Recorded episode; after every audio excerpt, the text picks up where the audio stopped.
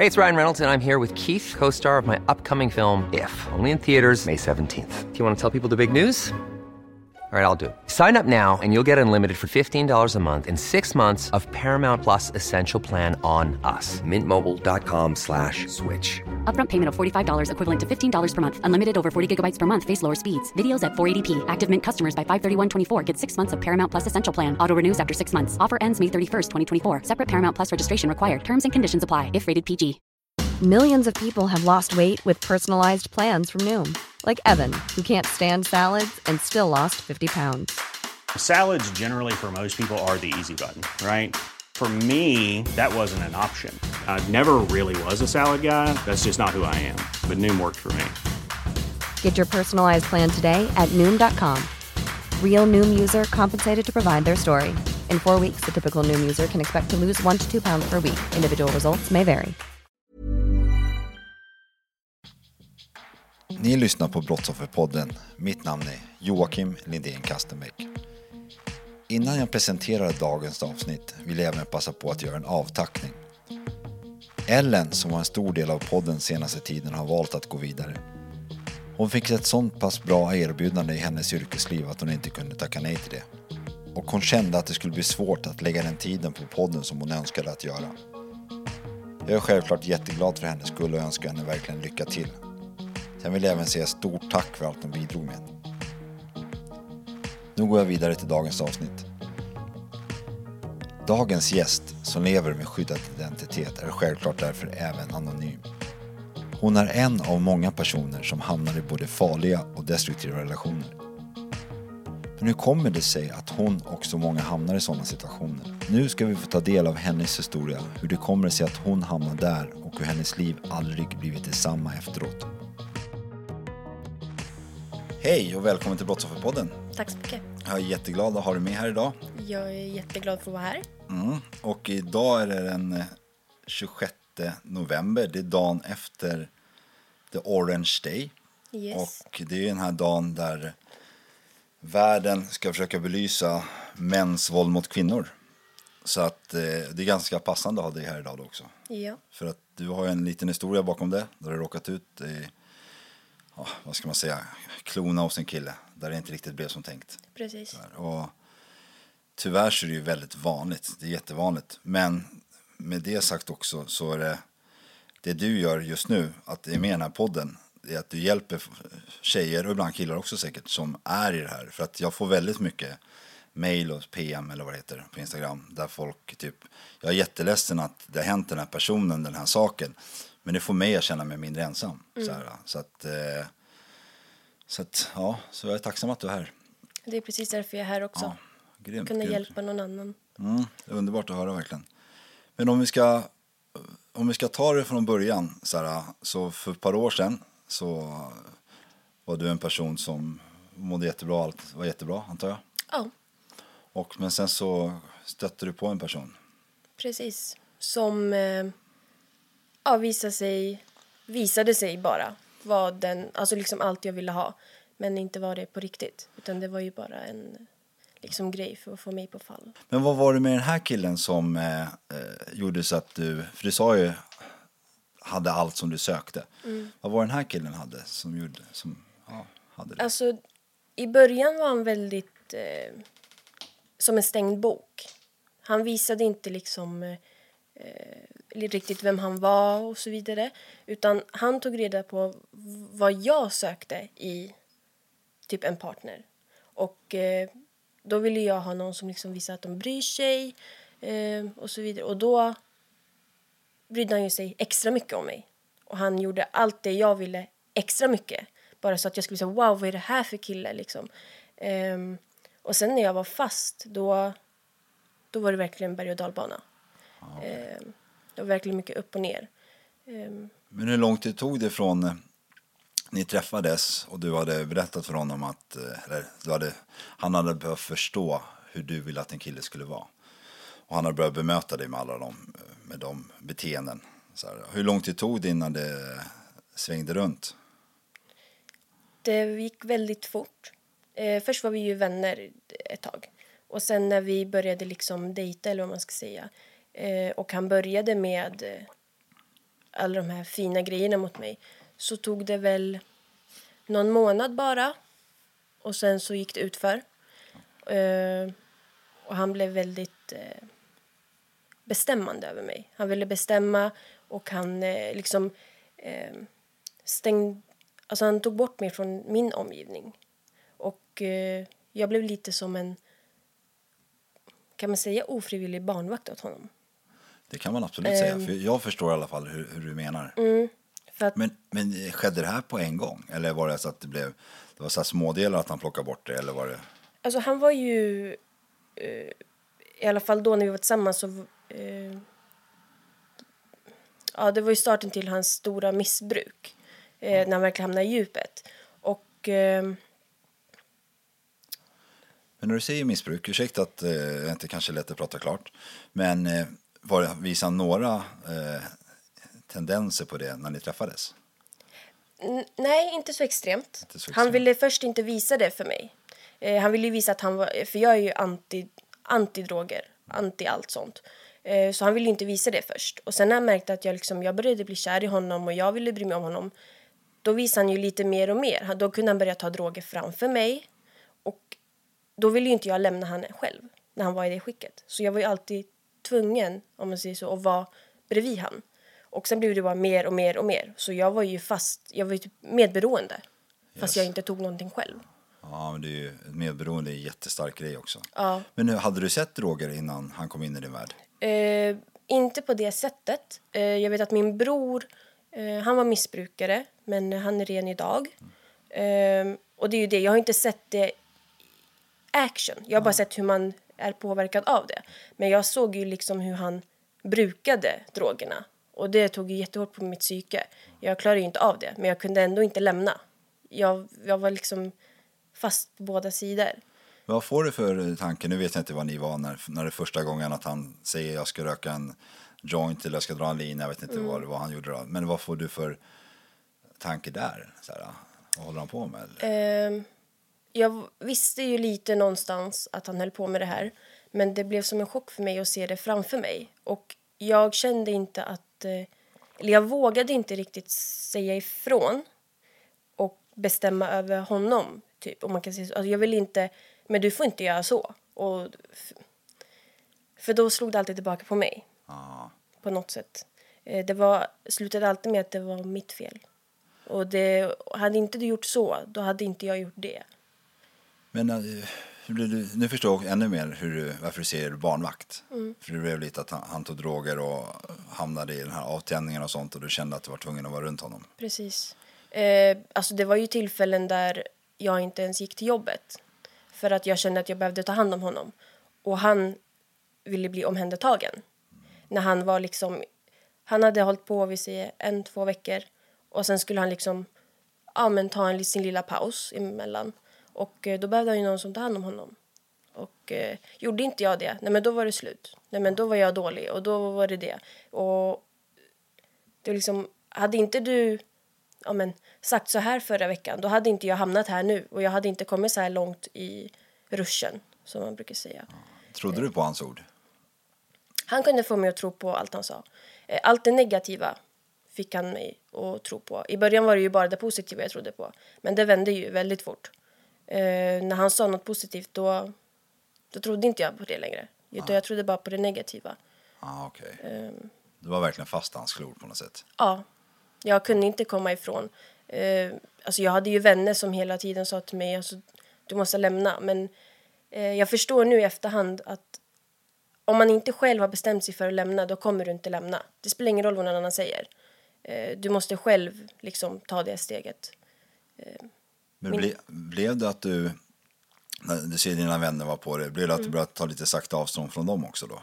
Jag hade ju redan väldigt mycket avstånd från dem. Ah, okej. Eh, Jag var ju väldigt mycket med honom. Men om han, han kunde ju försvinna i dagar ibland och bara, jag hörde ingenting från honom. Och då var jag med mina vänner och jag var ju jätteledsen och de bara, det här funkar inte. Du måste, alltså det är inte bra för dig. Du förtjänar bättre. Ja, jag vet, men jag älskar honom och han älskar mig. Jag kan inte bara lämna honom så här. Och, så det var ju... Jag visste ju vad jag behövde göra men jag, kunde inte, jag hade inte samvetet att göra det typ. Berätta för dina vänner om hans missbruk också. Eh, jag eh, förminskade det väldigt mycket. Eh, ja, men typ, ja, men när han festar så kanske han tar något, men ja. Jag sa ju inte mycket om, om det dåliga som hände. Utan det har kommit fram i efterhand. Och då, är liksom, då har de varit så här, varför har du inte sagt något? Men alltså vad ska jag säga? Till exempel det här med övergrepp. Eh, han utsatte mig för flera övergrepp. Eh, och det är svårt för folk att förstå. Eh, jag förstod själv inte då att man kunde eh, bli utsatt för något sånt av ens partner. Så det har tagit mig väldigt lång tid att förstå. Jag har ju förträngt det. Alltså jag har verkligen bara blockat. Och nu när det kommer fram så alla är ju chockade. De har ju inte vetat om. De har ju sett att jag mått dåligt. Eh, att jag har mått väldigt dåligt. Men de har ju inte riktigt fattat varför. Men det kanske de förstår mer nu. Men fortfarande så här, varför har du inte sagt något? Övergreppen och sånt, hur lång tid tog det innan de började? Eh, det var ganska på en gång som vi blev tillsammans. Jo, men vi var ute och eh, vi var... Eller jag var på en fest och han hämtade mig därifrån. Han hämtade mig med sin bil och han var påverkad av både droger och alkohol. Eh, vi åkte till ett hotell och eh, ja, men där så skulle vi liksom... Eh, han fortsatte dricka och höll på med sin skit och eh, jag var typ bara där. Oftast var jag bara där. Eh, det var inte så mycket eh, att vi gjorde saker. Jag var bara där och kollade på när han höll på med sitt och så. Men eh, så var vi där och sen så ville han ha sex med mig. Och jag var ju med på det då från början. Men jag kunde inte. Jag hade så ont i mitt underliv. Och eh, jag bara, nej det går inte. Och då blev han jätteirriterad på mig. Och jag bara, varför blir du irriterad? Typ, alltså, jag har ju ont, det går inte. Han bara, ah, men typ skitsamma, jag vill inte. Eh, och du ska alltid göra så här. Och eh, man ska ju ha sex om man är med varandra. Och jag bara, typ, ah, okej, men det går inte. Sen så var vi tysta en ganska lång stund och så kommer han eh, tillbaka. Och då sätter han sig på sängkanten, för jag låg i sängen eh, och kollade på tv. Så sätter han sig på sängkanten och så säger han till mig, ehm, vet du vad? Eh, jag har fått kokain på min läpp en gång och då domnar den bort. Så om vi lägger kokain på ditt underliv så kommer smärtan försvinna och så kan vi ha sex ändå. Och jag var ju, av de orden, jag bara, eh, typ va? Ehm, och sen så minns jag inte så mycket efter det. Jag minns att han liksom hämtade på ett kort kokain och han liksom la det Ja, där nere på mig och eh, sen är det bara... Där har jag förträngt resten. Alltså det är helt sjukt. Ehm, det här sa inte jag till någon. Nej, men det, jag kan förstå också att du inte säger det. Så här, Och jag minns inte mycket av dagen efter heller. Jag, den tidsperioden är väldigt... eh, Det är minnesluckor. Jag var ju chockad. Jag var ju liksom den här eh, fight, flight and freeze Ja. respond. Så jag frös ju. Jag bara försvann från min egen kropp typ. Det var... Ja, alltså det, jag tror min erfarenhet av vad jag läst och allt och även via den här podden är att alla som är med om ett övergrepp tänker alltid innan när de hör andras övergrepp att Mm. de skulle göra på ett visst sätt. Men det blir ju sällan så. Det blir Precis. typ aldrig så. Men det sjuka är att då mellan att han blev så irriterad eh, och när jag sa också till honom, varför blir du så irriterad? Han sa ju med, alltså med de här orden exakt du får mig att känna mig som en våldtäktsman, sa han. Och jag bara, men va? Alltså, typ, men jag vill bara inte. Och han blev ju... Han ville ju, och jag ville inte. Då, då är det nej.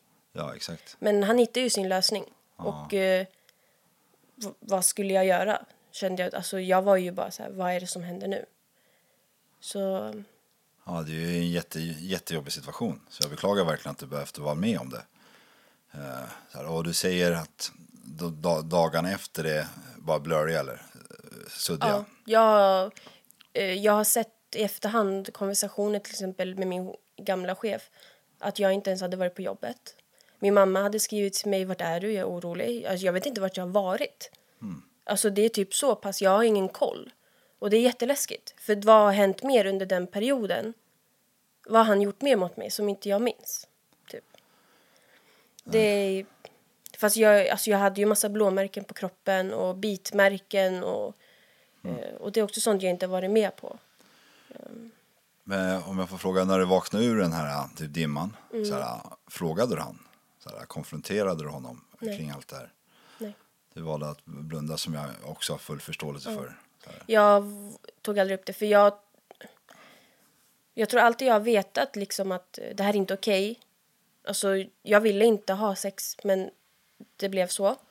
Men det är ju min kille. Så då är det väl ändå okej att han gjorde så. Typ så har jag eh, inbillat mig. Och för att det ska kännas lättare för mig. Typ. Eh, Men eh, sen har det ju skett flera övergrepp efter det också. Där jag har varit så här, nej. Men jo, jo, alltså ofta börjar det ju med tjat. Och det är också en sån här grej, om man tjatar sig fram och till slut, jag bara, ja ah, men okej, jag är fortfarande inte med på det, det borde du ju själv veta. Eh, Det kanske inte är många tjejer som, och killar som vet det heller. Alltså vill du inte så vill du inte. Nej, exakt. Jag tror verkligen inte att ett tjat gör så att den andra blir sexuellt upphetsad heller. Nej. Det tror jag inte. Så här, och, ja, jag tror att det är därför det här ämnet är så himla viktigt. Liksom. Det, Mm. det är verkligen jätteviktigt. Och informera dagens ungdomar kring det här också. Liksom, och det här med samtycke är en jättebra grej. Mm. Det är verkligen, för då blir det så tydligt med... Eh, är ganska tydligt att se om det har varit ett samtycke eller inte. Mm. Här, och, eh, sen kan vissa tycka, vadå, måste jag fråga? Vill du ha sex med mig? Är det så svårt att fråga? Mm. Det är inte så svårt att fråga. Så här, får du ett nej så vill inte personen ha ett sex. Alltså, speciellt det här, du får mig att känna mig som en våldtäktsman. Varför får jag dig att känna dig så då? Vad fan vet innerst inne att, att det är det Ja. är. Jag vill ju inte. Du vet ju om att jag inte vill. Alltså, ja, det är bara sjukt egentligen. Men Ja, så här, ja. Men alltså hur länge, hur länge eh, eh, är, det, är, det här, är det här ganska ny, i början av relationen? det är början. Det är början. Här, och, eh, Och väldigt eh, tätt in på varandra också. okej.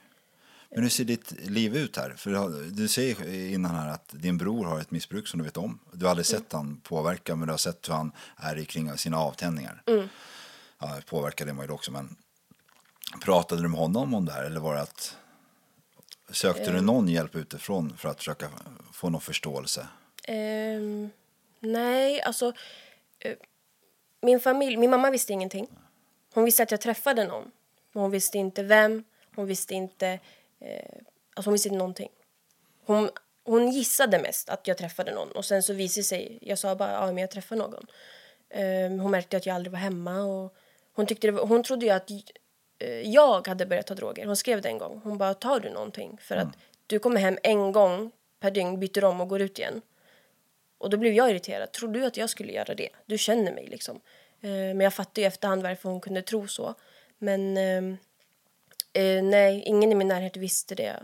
Eh, I slutet, innan vi gjorde slut första gången, jag, det har varit fram och tillbaka, Ja, så eh, pratade jag med min kusin. Hon står mig jättenära och hon har varit jättestöttande i allt det här. Eh, och när hon fick veta det, hon, var ju, hon blev ju helt förstörd. Och då sa hon liksom att det finns hjälp för dig att få. Men jag tänkte ju alltid så här, jag är inte den som behöver hjälp, jag måste ju hjälpa honom. Så har det alltid varit. Eh, så nej. Och jag ville inte heller eh, måla upp den, den bilden jag hade av honom för alla andra. Jag ville att de skulle tro att han var så bra som jag ville att han skulle vara. Som jag fantiserade om att han skulle vara. Ja, alltså på något sätt tror jag att det blir också att om man är ärlig kring det hela för andra och sig själv helt och hållet, då betyder det att man har ett ansvar att göra någonting åt det. Precis. Och det är nog därför är väldigt enkelt att ljuga för sig själv, så Mm. slipper man ta det där ansvaret. Ja. Så här, och man målar upp ett luftslott som absolut inte stämmer. Alltså det är så sjukt för att idag och ja, för då några år sedan, det är helt olika. Alltså, det jag förstår idag om den tiden, det fanns inte då. Alltså, jag hade aldrig kunnat tänka mig att det var så allvarligt som det var. För att jag hängde ju bland människor som jag inte skulle hänga bland. Alltså det var ju väldigt mycket vapen och droger och allt möjligt. Jag gjorde saker jag inte skulle göra, alltså kriminella saker som jag fick veta om i efterhand liksom. Um, jag önskar jag önskar bara att någon vän kanske hade dragit i mig lite extra. Uh, och typ bara, nu, nu Men räcker det. Men riktigt. tror du att de hade möjlighet till att göra det om du inte är hundraprocentigt ärlig? För- Nej. Men man önskar ju att någon kan se igenom. Ja, jag förstår. Men jag förstår ju att det inte är lätt att göra när man inte visar den sidan. Men eh, alla fattade ju att det var något fel. Men de visste ju inte vad. Hade, jag, hade de vetat om till exempel övergreppet, tror du någon hade låtit mig stanna? Nej, Nej. förhoppningsvis inte. Nej. Men alltså det, det är så sjukt bara hur... Ett sidospår på det här nu, det är ju att typ häromdagen så delade jag på min Facebook och Instagram bland annat om det här med Orange Day och eh, som belyser mäns våld mot kvinnor. Men jag ville belysa lite extra, alltså vad omgivningen gör. Att har jag en kompis som jag vet är eh, fysisk eller psykisk eh, mot sin flickvän, då, har, då har jag ett ansvar. Har jag en tjejkompis som jag vet är i en relation, jag har ett ansvar. Så här, som medmänniska och som vän. Så här, och det, tyvärr har det blivit någon slags tystnadskultur här också där folk inte vill lägga sig i. Så här, och det behöver också lyftas. Så här, för att hade jag nu blivit en person som var väldigt fysisk eller psykisk mot min fru. Jag önskar ju att någon i min närhet drog tag i mig i örat ordentligt. Så jag för det första fick ställa det till rätta och sen kanske jobba med mig själv. Precis. För min moral inom mig säger det är inte den personen jag vill vara. Så att jag tror man inte gör någon någon tjänst genom att hålla käft. Liksom. Nej. Det gör man verkligen. Men sen är det ju jättesvårt. Så här, det är jättesvårt, som i ditt fall, det var inte helt hundraprocentigt ärlig. Nej. Så här, och kanske helt öppen. Men sen så kanske som du säger, de borde kanske förstått att du inte var samma person idag som du var för ett halvår sedan. Vad var, vad är den stora skillnaden? Så här, och idag vet de flesta som är en destruktiv relation, eller som att en kvinna blir oftast blir nedbruten, de blir inte så själva. Precis. Så, ja. Men alltså nu har det gått en stund, nu sitter ju du här och är en annan människa så uppenbarligen så har du ju eh, kommit ur den här liksom. Eh, där du beskriver alldeles nyss att det är, du är i miljöer där det absolut inte brukar vara. Du gör till och med kriminella handlingar som du inte visste om riktigt och du är runt människor som du absolut inte skulle vilja vara i. Liksom, hur, hur lång tid var, hur länge höll det på ungefär? Kanske um, två, tre månader. Två, tre månader. Alltså från att vi blev tillsammans så tog det bara några månader sen så åkte han ju in. Ja, Okej. Så, eh, men den lilla perioden ändå var väldigt hetsig. Det var jättemycket som hände under den som tog på mig psykiskt. När han åkte in, det var ju då jag bröt ihop totalt. Eh, då fick jag börja med antidepressiva till exempel. Eh, och där också, det var ingen som fattade varför. Alltså, det är svårt att förklara. Eh, men nu glömde jag din fråga. Förlåt. Nej, men du, hur, hur länge du sa att han åker in efter en månad? Hur länge sitter han inne? Eh, ett och ett halvt... Två, han fick två år ungefär. Men det var ingenting, inget som hade med det att göra? Eh, nej, men han sa ju... Det var inget som hade med mig att göra. Men han sa ju sen när vi fick kontakt igen att hade det inte varit för mig hade han inte suttit där. Eh, Så för att eh, någon hade sagt någonting om mig, han ville skydda mig och då skulle han liksom gå på den personen. Och, Ja, och du trodde på det då? eh, Eller?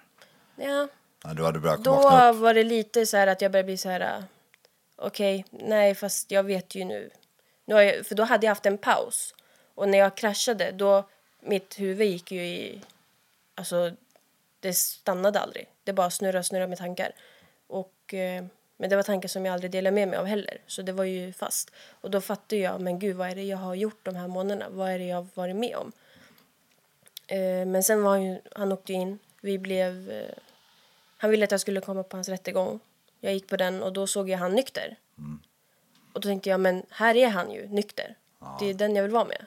Och han bara, jag kommer aldrig ta droger igen och bla bla bla. Och jag ska vara den bästa för dig, vi ska bilda familj och hit och dit. Så då valde jag att testa igen. Eh, och så var jag ju med han, alltså ett år i alla fall.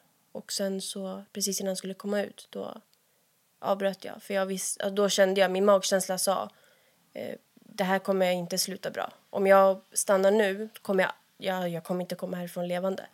Eh, från, den, från det förhållandet. Gjorde du någonting under det här året? Alltså utöver, alltså jobbade du med dig själv eller fick du nya insikter? Började du söka svar på frågor du hade? Mm, alltså jag gick ju till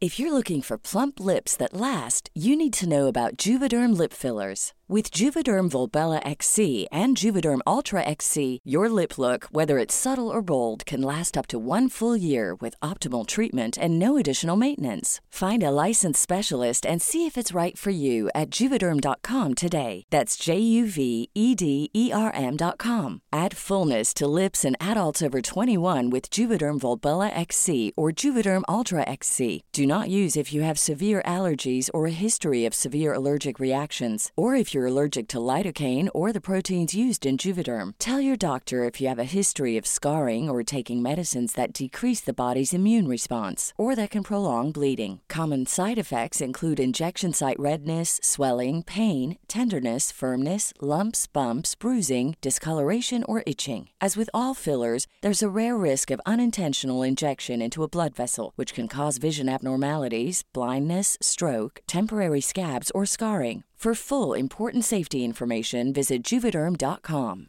Wow! Nice. Yeah. What you're hearing are the sounds of people everywhere putting on Bombas socks, underwear, and t-shirts made from absurdly soft materials that feel like plush clouds. Yeah, that plush. And the best part? For every item you purchase, Bombas donates another to someone facing homelessness. Bombas. Big comfort for everyone. Go to bombas.com slash ACAST and use code ACAST for 20% off your first purchase. That's bombas.com slash ACAST. Code ACAST. Eh, jag började gå till en kurator då och prata lite. Men jag sa inte hela sanningen där. Men ehm, jag började där och sen så fick ju han mig att sluta gå där. Jag behövde inte hjälpen. Han kunde hjälpa mig. Ehm, så jag slutade gå där och slutade med all hjälp. Och jag slutade då med mina antidepressiva som jag fick då. Han bara, du behöver inte dem, kasta dem i soporna. Eh, vi hade ju så här intik. Så han sa ju, även fast han var inlåst så gjorde jag ändå allt han sa. Han kontrollerar dig. Ja, han kontrollerar mig så grovt. Ehm, ja, och sen... Det är ju typ nu, det här året jag verkligen börjar jobba med mig själv.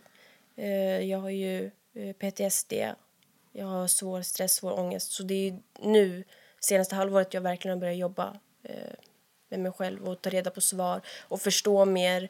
Eh, bland annat jag, alltså lyssna på poddar till exempel. Det är där det började. Jag bara, men jag är inte ensam. De har fått hjälp, jag kan också få hjälp. Eh, och nu är jag här och liksom vill hjälpa andra. Så det, Ja, fan- fantastiskt. Cirkeln slut på något sätt. Precis. Vad tyckte du var, var det värsta i relationen? Så här, om vi pratar fysiskt, psykiskt, eh, de här miljöerna eller något, något slags beteende kring han. Vad tycker du var det, det som fick dig att må som sämst? Det var en väldigt bra fråga. Um, jag skulle vilja säga att det var allt kontrollerande. Att jag kände mig så fast. Och jag kände inte mig som en egen person. Utan jag var beroende av vad han tyckte och vad han ville och, och så vidare. Egentligen borde jag säga övergreppen. Men jag har ju kopplat bort mina känslor från den händelsen. Så jag, jag kan prata om det. Eh, men eh, om jag får lägga till lite på det så tror jag nog det mest tuffaste för mig har varit att komma, att komma tillbaka från det. Tror jag. Eh, och det, jag har inte gjort det 100% än idag. Jag kämpar ju varje dag, verkligen. Eh, men det är väl det som tar längst tid och är tuffast psykiskt. Eh, som att det inte räckte med den psykiska misshandeln då. Så är det, jag måste ju göra om allt i mitt huvud och bearbeta det flera gånger om för att liksom eh, komma över det. Och det har ju ärrat, alltså ärrat mig. Och det kommer nog ärra mig ett tag framöver. Jag litar ju inte på min omgivning och det är jättesvårt hur han har trixat i min hjärna. Jag förstår, jag förstår. För det här är ju inte riktigt slutet för dig heller. Så det kommer ju kanske pågå ett tag. Så här, för att vi, nu sitter du här och du har skyddad identitet. Så det uppenbarligen finns en hotbild kring dig. Liksom. För han har ju, visst, visst har han försökt att nå ut till dig? Han har försökt nå ut till mig eh, och eh, speciellt nu när jag har haft skyddad identitet så har han ju inte fått tag på mig. Och då har det liksom gått ut över familjemedlemmar och hans familjemedlemmar har dragits in och det har ju varit dödshot och det har varit allt möjligt. Eh, det är verkligen sjukt. Och då, där kan jag också bli lite så här... Nu är jag borta och då hamnar min familj i skottlinjen och mina vänner. Och måste jag då bryta mitt skyddande för att de ska slippa all skit? Då är det så här... Ja, är ju... Då är jag fast i mitten igen, känner jag. För att jag vill inte vara den, om någonting händer så känns det som att det kommer vara mitt fel. För att jag har inte varit synlig för han att få tag på mig. Och Vad säger din familj? de, alltså. Det kanske vill säga att det gör inte dem någonting så länge jag är skyddad. om man säger så, men eh, jag vet inte hur jag ska förklara det. Men de hellre, det är som jag, hellre jag än dem. Jag och de fattar. tänker väl hellre dem än jag. Men vad tror du att han vill ha ut av det? Eller vad tror han vill dig? Så här, är det att han vill bli tillsammans igen eller? Nej, det är det han inte vill. Eh, jag tror bara att han vill... Eftersom att det var jag som lämnade honom eh, i slutet. Det var inte han som fick sista ordet. Så tror jag det är det. Han, eh, han kunde inte bestämma då att det var han som gjorde slut. Utan det var jag som bestämde det. Och det har inte han accepterat. Om jag får hoppa in på det här med att göra slut. Så här. Vad, du, nu har du berättat att han, han satt in under en lång, eh, längre period. Och i början så bestämde ni skulle få den här kärnfamiljen, den här drömmen liksom. Men sakta men säkert började vakna upp ur den här psykosen, koman, den här destruktiva du är i. Och, och göra slut. Men var det, var det någonting under det här som verkligen, för nu har du berättat att du bara börjar inse lite hur du har haft det. Men var det något specifikt som fick dig? För du berättade också att du började lyssna på poddar efteråt. Men var det något specifikt som verkligen fick dig att fatta, shit, jag är i en destruktiv relation. Jag kommer aldrig må bra med den här personen igen. Ehm, alltså det är så mycket. Men det är väl mest det här äh, att... Jag tror det var någon gång som jag liksom... Jag ville göra någonting. Eh, jag tror jag... Ja, jag skulle träffa mina vänner. Vi skulle på en bilträff. Och då säger han liksom, han säger nej. Ska du inte prata med mig istället? Stanna hemma och prata med mig. Och då tänkte jag, men om jag vill inte det. Jag vill gå ut. Vem är du och bestämma över mig?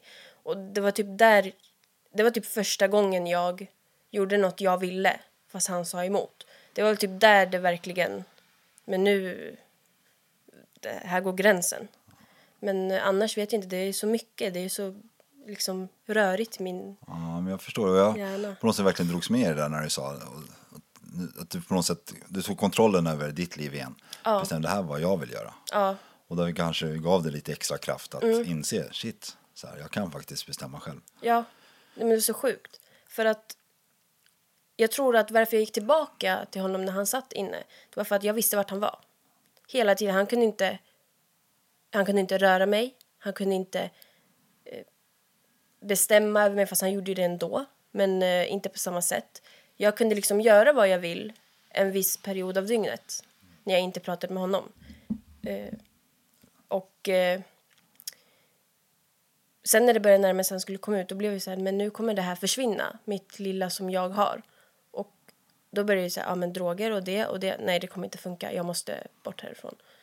Eh, och så blev det så bara. Ja, skitstarkt. Hur, hur, tog, hur tog han det? Så här, jag vet ju uppenbarligen hur han tog Mm. det, men hur, hur gick det samtalet till? Det samtalet till så att eh, först sa han bara nej, han bara men det är du och jag. Eh, Jag vill vara med dig, jag älskar dig, jag är kär i dig. Och då sa jag bara men om du älskar mig och är kär i mig då behandlar inte du mig så här. Hur behandlar jag dig? säger jag då. Men hur... Ja, så förklarar jag liksom du, du skriker på mig och du uppskattar inte det jag gör för jag gjorde väldigt mycket för honom även fast han var på insidan. Eh, och vad var det jag sa till han? Eh, ja, jag sa om, om du älskar mig då låter du mig gå för att du skadar mig mer än vad du hjälper mig. Och där blev han hysterisk. Han kunde inte ta det, att jag sa emot någonting sånt hårt mot honom. Han tog ju det jättehårt. Eh, för han var ju jätte... Han var ju hundra av hundra i hans ögon mot mig. Ja, jag- nästan börjar skratta för jag Mm. ser, eh, på något sätt ser jag han framför mig. Så här, och den typen av person han är. Jag har Mm. mött en del sådana där, att tappa ansiktet är inte speciellt populärt hos sådana. Så här, Nej, det- eh, så han blev ju... han kallar ju mig massa saker. Alltså jag var det ena och det andra. Och vänta tills jag kommer ut. Du ska få se vad som händer då. Jag kommer komma hem till dig. Jag vet var du bor. Eh, ja, det är så sjukt. Det var verkligen så här, vänta bara tills jag kommer ut. Så då gick ju jag och väntade på att han skulle liksom mucka. Och sen när den dagen kom, då var det knäpptyst. Och jag var ju livrädd. Alltså, det var ju knäpptyst hur länge som helst. Och jag bara, alltså jag vet inte vart han är.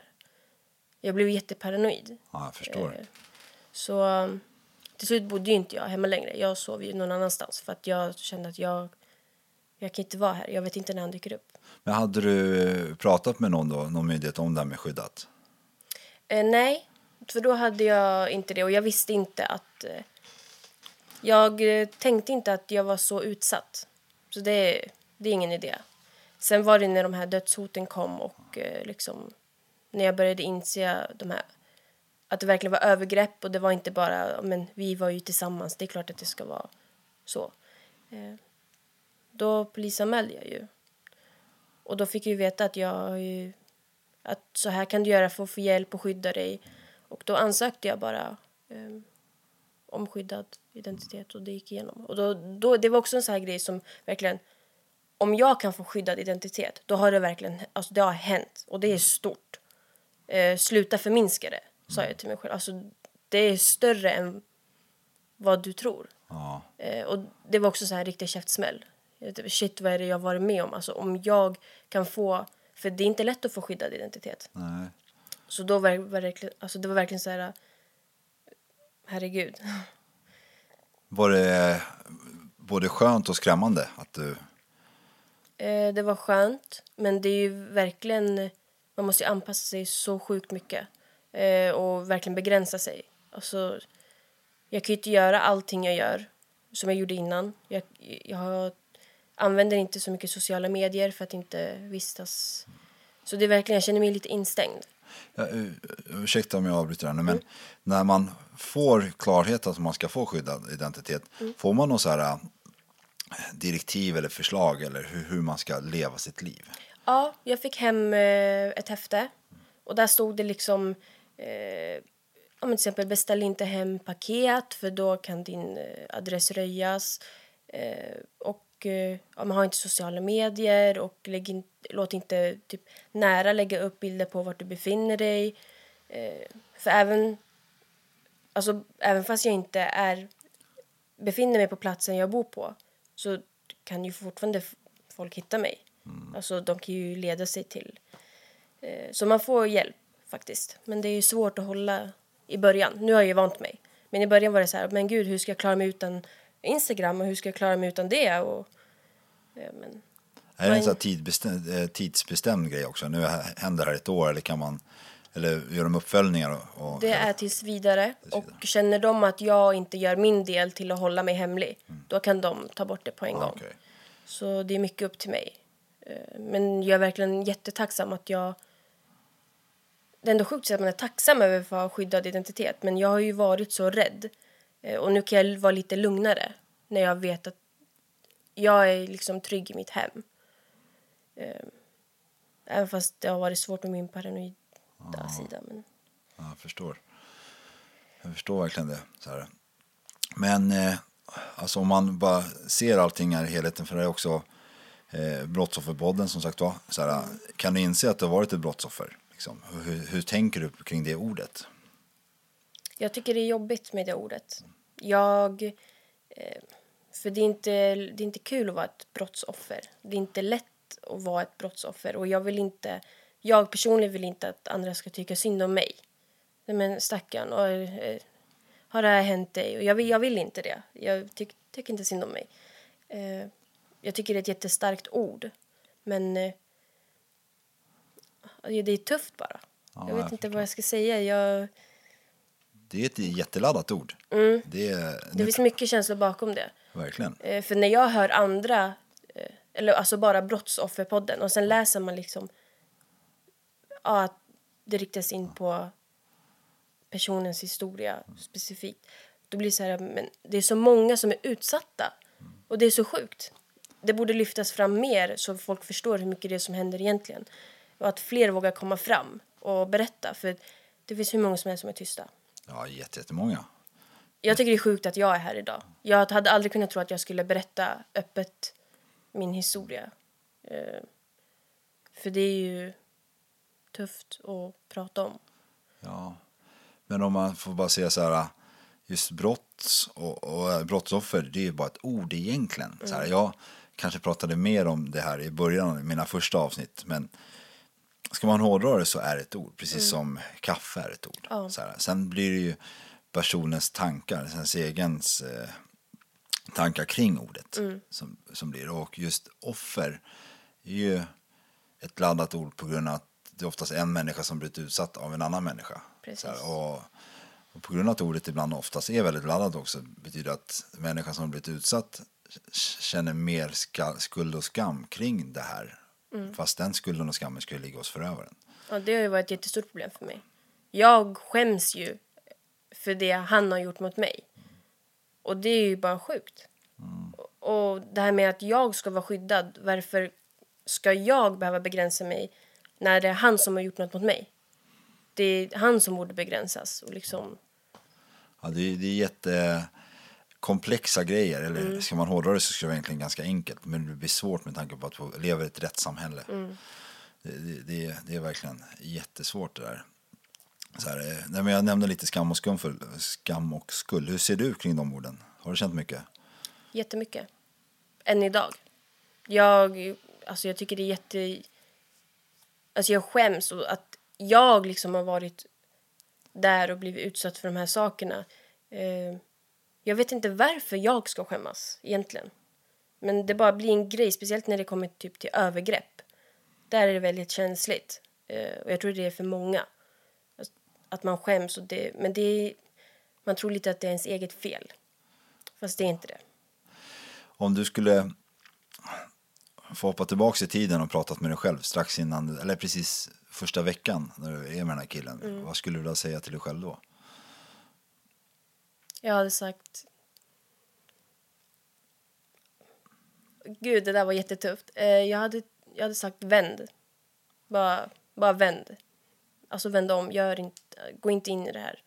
Eh, för jag någonstans såg ju väl varningssignaler ändå. Vad tror du var varningssignalerna som du såg och du sket i i början? Det måste nog ha varit eh, när han inte... När det ändrades från allt det här gulliga och allt det perfekta till små, små steg neråt. Liksom, eller när han sa till exempel eh, Nej, men du ska inte gå och jobba. Du ska ju vara med mig. Så, här, men, alltså det är så här, bara kon kontrollet. Jag borde bara ha accepterat att det är ett kontrollerande och jag ska inte vara där. Men jag lät ju bara det ta över. Eh, Ja, det blev din nya verklighet. ja, jag såg ju inget annat. Hans ord var min lag, typ. Men tror du att den yngre variationen av dig hade lyssnat på den äldre variationen? Ehm, Hur når man människorna som är precis på väg in i det? det är jättesvårt. Jag tror inte att jag... För någonstans visste jag ju vad det var som försiggick men jag valde att... Jag ville så gärna hjälpa honom, hellre, än att hjälpa mig själv. Jag hade ju kunnat gå ur... Jag visste ju någonstans att det inte var bra för mig. Men jag såg ju hur dåligt han mådde och jag måste ta hand om honom och jag kan inte lämna honom själv och jag måste få han ur det här. Jag, det är svårt att säga för att jag är alltid den som vill hjälpa någon annan. Han låter lite som medberoende. Ja, ja jag var väldigt medberoende. Det har jag också läst väldigt mycket om och det har hjälpt mig jättemycket för där kände jag så här, är det jag som är knäpp? Är jag, vad är det för fel? Men medberoende är väldigt vanligt just i destruktiva relationer. Ja, jättevanligt. Ja. Jätte, jättevanligt. Så här. Men det är jag som så här, har jobbat mycket med det och själv haft en medberoende, också substansberoende då, eh, kan tydligt se det hos andra. Så här. Men det är precis som att som är mycket så måste människan oftast inse det själv. Så här, för att det, det verk, verkligen ska funka. Men det är ett jättestarkt, också mer komplext beroende, substansberoende. För att en människa som är beroende av kokain, det är tydligt att se kokainet. Så här, men nu är man beroende av en människa. Så här, så här, det, det blir svårt att se. Det, det är jätte, jättesvårt att se. Här, är- Men det var så... bara sjukt. När han var inne i sina ruscher liksom och vaken i dagar, då var ju jag där med han vaken. Utan droger. Det är också så här, hur kunde jag funka flera dagar vaken utan att sova? Eh, jag gick ju inte på någonting. Det är också så här grejer som jag funderar väldigt mycket på efterhand. Hur, jag tycker ändå jag är stark på något sätt som var där så länge. Även Fast det är tragiskt att jag var det. Men att jag ändå har klarat mig så pass bra tills idag. Trots att det har varit väldigt mycket gropar på vägen. Men eh, jag står på mina ben Ja, efter verkligen. allt det där. Verkligen. Och det här är det också. Eh, jag pratar också väldigt mycket om förlåtelse, som du vet. Så här, hur, hur ser du kring det? Det jag tror inte jag skulle kunna förlåta honom för eh, hur jag mår idag. Specifikt, alltså hur han har fått mig att må. Eh, typ resten skiter jag i. Allt som han har utsatt, för mig, alltså utsatt mig för, det typ skiter jag i. Eh, det lägger jag inte så mycket vikt på när det gäller förlåtelse mot honom. Utan det är bara hur han har fått mig och få så dåligt självförtroende och bara trycka ner mig själv hela tiden. Det skulle jag aldrig kunna förlåta honom för. Ehm, För det har ju ändrat hela min syn på mig själv. Men det stämmer också att han, du har skulder efter honom också? Det stämmer. Han tog ju lån i mitt namn. Är det mycket? Eh, 200 000. Oj. Så, eh, och det sitter jag och betalar av hela tiden. Så eh, det är mycket som han har gjort. Men det som är mest hårt, alltså tagit mest hårt på mig det är hur han får, har fått mig att se mig själv. Det spelar ingen roll om någon annan säger till mig ja, men, vad duktig du är och jag är så stolt över dig och du är fin och du är vacker och du är snäll. Jag tror inte på ett skit du säger. Han bröt Typ. ner det ordentligt. Ja, det är jättesvårt. Eh, Jag ser ju verkligen det lägsta av mig själv. För det jag har hört andra säga är just att den här, den här psykiska misshandeln är bra mycket värre än den fysiska. För den fysiska läker, den psykiska sätter gropar igen. Eller, Precis, jag har ju inte blåmärken kvar. Men eh, i mitt psyke så är det ju...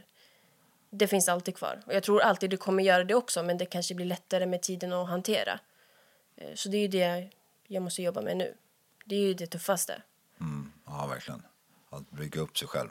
Precis. Ja, jag tror att det, nu är det jättelätt för mig att sitta här, eh, andra sidan micken. Eh, Men jag tror verkligen att det går. Här, Ja. Jag märker, alltså mina vänner säger ju också... Jag tycker att jag... Eller för ett tag sedan mådde jag skit. Alltså jag var så deprimerad. Jag rörde mig inte någonstans. Jag åt inte. Jag gjorde ingenting. Och även då så sa min närmsta vän, min bästa vän, hon sa till mig du tror att du mår dåligt nu, men du, i våra ögon mår du mycket bättre nu, så som vi ser dig, än vad du gjorde när du var tillsammans med honom. Och det kan jag inte släppa. De orden har verkligen fastnat. Jag tror att jag mår skit nu och har det jättesvårt, men de såg, de upplever det som att jag mådde sämre då. Och det är bara något som har fastnat. Jag kan inte släppa det. Kan det vara lite att, men varför gjorde ni inte mer då? Finns det någon tanke där? Fast jag kan förstå det. För att de, eh, de försökte ju, de visste ju inte allt. Men till exempel när eh, det var någon eh, dag som vi var ute och så scrollade jag i mina bilder och så kom det, jag hade ju dokumenterat alla mina blåmärken och sånt.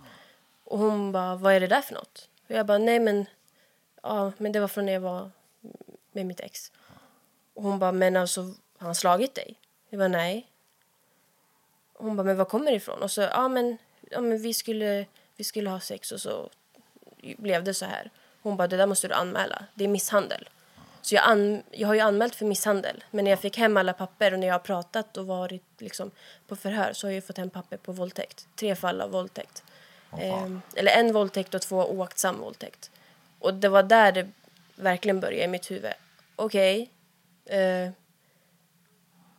nu är det så här och nu måste jag acceptera det. För att jag berättade ju bara min historia, vad som hade hänt, hur hade det gått till. Jag sa ju inte... Eh, för jag sa ju bara, han har aldrig slagit mig, det har han inte gjort. Men, och så berättade jag hela historien och så fick jag en papper på våldtäkt och jag bara, herregud vad sjukt. Det, Men hur... eh, När, du, när, när, det, när det här precis har hänt, när du har fått de här blåmärkena och du är ensam, då tar du ändå upp telefonen och tar bilder på det. Så här. ja. Jag har, skitsmart. jag har Men jättemycket bilder och jag vet inte varför jag har dokumenterat det. Eh, För det är inget kul att bara, haha, blåmärken. Men det är fler saker jag har hittat i efterhand som jag har dokumenterat. eh, Och det är typ så här, jag har varit på ställen och sen har jag bara tagit en bild. Och på Snapchat finns det så här, man kan ju eh, lägga upp eh, platsen. Och då har jag sparat dem. Alltså det kan ha varit bild på en vägg och så har jag bara visat platsen och sparat den. Jag har jättemycket sånt och eh, det har ju varit för att eh, jag i efterhand så har jag ju fattat att det är för att om något, har hänt, om något skulle hända mig och någon hittar typ min telefon så vet de var, vart jag varit och folk, vi ser om jag inte skulle överleva den här relationen liksom om jag skulle alltså dö och de hittar min telefon så förstår de allt jag varit med om. Typ de, då vet de, de kommer veta vad det är som har hänt. Typ så. Eh, och det är jättehemskt att säga att jag ens har behövt göra så. Och känt att jag var i den positionen att jag måste dokumentera ifall att jag inte överlever. det finns någon inre person i dig som har varit sund under hela den här destruktiva grejen och förstått vad som är bra för dig. Mm. För att, av alla poddintervjuer jag gjort så när jag kommer till den här frågan skulle jag gjort någonting annorlunda typ eller var det någonting som var bra du gjorde det var just dokumentera. Ja. De önskar att de hade dokumenterat mer eller de de är glada att de dokumenterade mycket. Mm. Så, att, så det är jätte, verkligen jättebra. Så är det någon som lyssnar där ute som är i en destruktiv relation, dokumentera. Så här, Mm. Absolut. dokumentera det är det absolut bästa. Liksom, och för att är det ingen fara så är det bara att radera bilden efter ett par år. Men är det så att det är någon fara så kommer bilderna göra jättestor nytta. Precis. Och jag sparade ändå de här bilderna i över två år. Så ja, det, det är sjukt vad hjärnan gör när man inte är medveten. Så att säga. Ja, skol på ett sätt. Ja, faktiskt. Att det finns en sund grej där inne i det här helt skeva destruktiva. Hur ser du, nu har du sagt att du fortfarande jobbar väldigt mycket med dig själv, men hur ser du med nya relationer och allting? Eh, det är ingenting jag är väldigt, alltså som jag är taggad på. Jag ser inte, jag kan inte se framför mig att jag skulle kunna vara med någon ny. Eh, och det är lite tråkigt. Eh, jag vet ju att jag vill ha familj och så, men jag känner bara så här, nej. För jag, på ett sätt så blir det som att eh, alla som är snälla mot mig, de kan vända. För han var ju jättesnäll och han var allt jag ville ha men han blev till en av de värsta sakerna i mitt liv som jag varit med om. Eh, då kan ju vem som helst vara det. Alltså, det spelar ingen roll. Du kan, de kan vara snälla en vecka och sen vända tre år och sen vända. Hur ska man veta det? Eh, så jag har väldigt svårt med det där. Och, Ja, jag hör dig, jag hör dig. Förhoppningsvis kommer det, förhoppningsvis så Mm. kommer det verkligen. Så återigen, det är jättelätt för mig att sitta här och, och ha massa åsikter och tankar. Så, här, så jag, jag hoppas att just den tanken vänder och du får den här äh, familjen du vill ha. Det Vi jobbar på det. Ja, men det är bra, det är bra. Men utöver det här med eh, partnerskap och allting, hur ser du på framtiden? Eh, den går, går mot ljusare tider, skulle jag vilja säga. Det är på bättringsväg och jag ska fokusera mer på mig själv och vad jag vill. Eh, det har jag också börjat med, med mina vänner till exempel och min familj. Om jag inte orkar någonting, vill jag inte göra någonting, då säger jag nej. Jag behöver inte göra det om jag inte vill. Så det är bara en, en jättestor grej som, och det ska jag fortsätta med tills det, Tills jag bara kan leva normalt och vara mig själv och bestämma över mig själv. Skönt. Mm. En sak som jag nästan höll på att missa nu, men som jag tycker är ganska viktig och intressant. Om vi leker med tanken att det är din förövare som sitter framför dig. Så här, och han, han får inte svara eller så får han svara om du vill att han ska svara. Vad skulle du vilja säga till honom? Eller vad skulle du vilja ha av honom? Eh, jättesvårt att tänka sig. Jag tror inte att jag skulle vilja säga någonting. Eh, alltså det är jättesvårt att tänka sig. Men eh, typ karman kommer. Hjalmar kommer. Karman kommer. Det är ett, som ett brev på posten. precis. Eh, nej, det är jättesvårt att tänka sig men Jag önskar, att har han, jag önskar han, eh, att, han, att, det, att han drabbas av något. Nej, alltså jag vill inte någon något illa och jag vill inte att han Eh, även trots allt han har gjort mot mig och att vi liksom har våran historia. Jag skulle inte vilja att någon annan blir utsatt för någonting sånt. Eh, nej. Men det skulle inte skada? Nej, jag skojar. Något sånt, inga kommentarer. Nej, inga kommentarer. Ja, men jag tror att jag är färdig här. Eh, är det någonting du skulle vilja tillägga? Eh, nej, jag tror inte det. Grymt. Det känns bra. Då får jag tacka så jättemycket för att du tog dig hit och kom hit. Tack så mycket för att jag fick komma. Jag vill återigen tacka dagens gäst för ditt mod och din medverkan att ställa upp i den här podden. Har du eller ni en önskan att dela mer av er historia eller känner någon som kan vara intressant får ni alltid höra av, oss, höra av er till oss på brottsofferpodden at gmail.com. Följ oss gärna på Instagram, Facebook eller TikTok. Nu vill jag önska er alla en fortsatt trevlig kväll, dag eller natt beroende på vad tiden nu är när ni lyssnar på det här. Mitt namn är Joakim Lindén Kastenbäck och ni har lyssnat på Brottsofferpodden. Historia som berättas har satt sina spår. Finns ingen skam att känna. Men den känns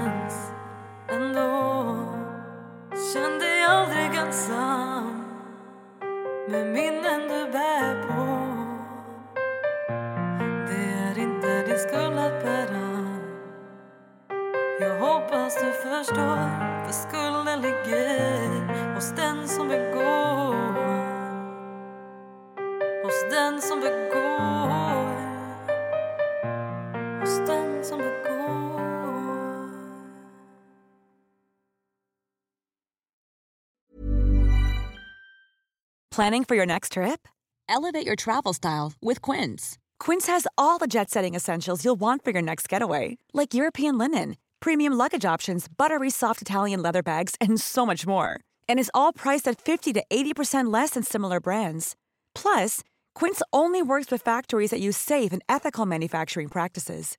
Pack your bags with high-quality essentials you'll be wearing for vacations to come with Quince. Go to quince.com/pack for free shipping and 365-day returns. Imagine the softest sheets you've ever felt. Now imagine them getting even softer over time. That's what you'll feel with Bowl and Branch's organic cotton sheets. In a recent customer survey, 96% replied that Bowl and Branch sheets get softer with every wash. Start getting your best night's sleep in these sheets that get softer and softer for years to come. Try their sheets with a 30-night guarantee. Plus, get 15% off your first order at bowlandbranch.com. Code BUTTERY. Exclusions apply. See site for details.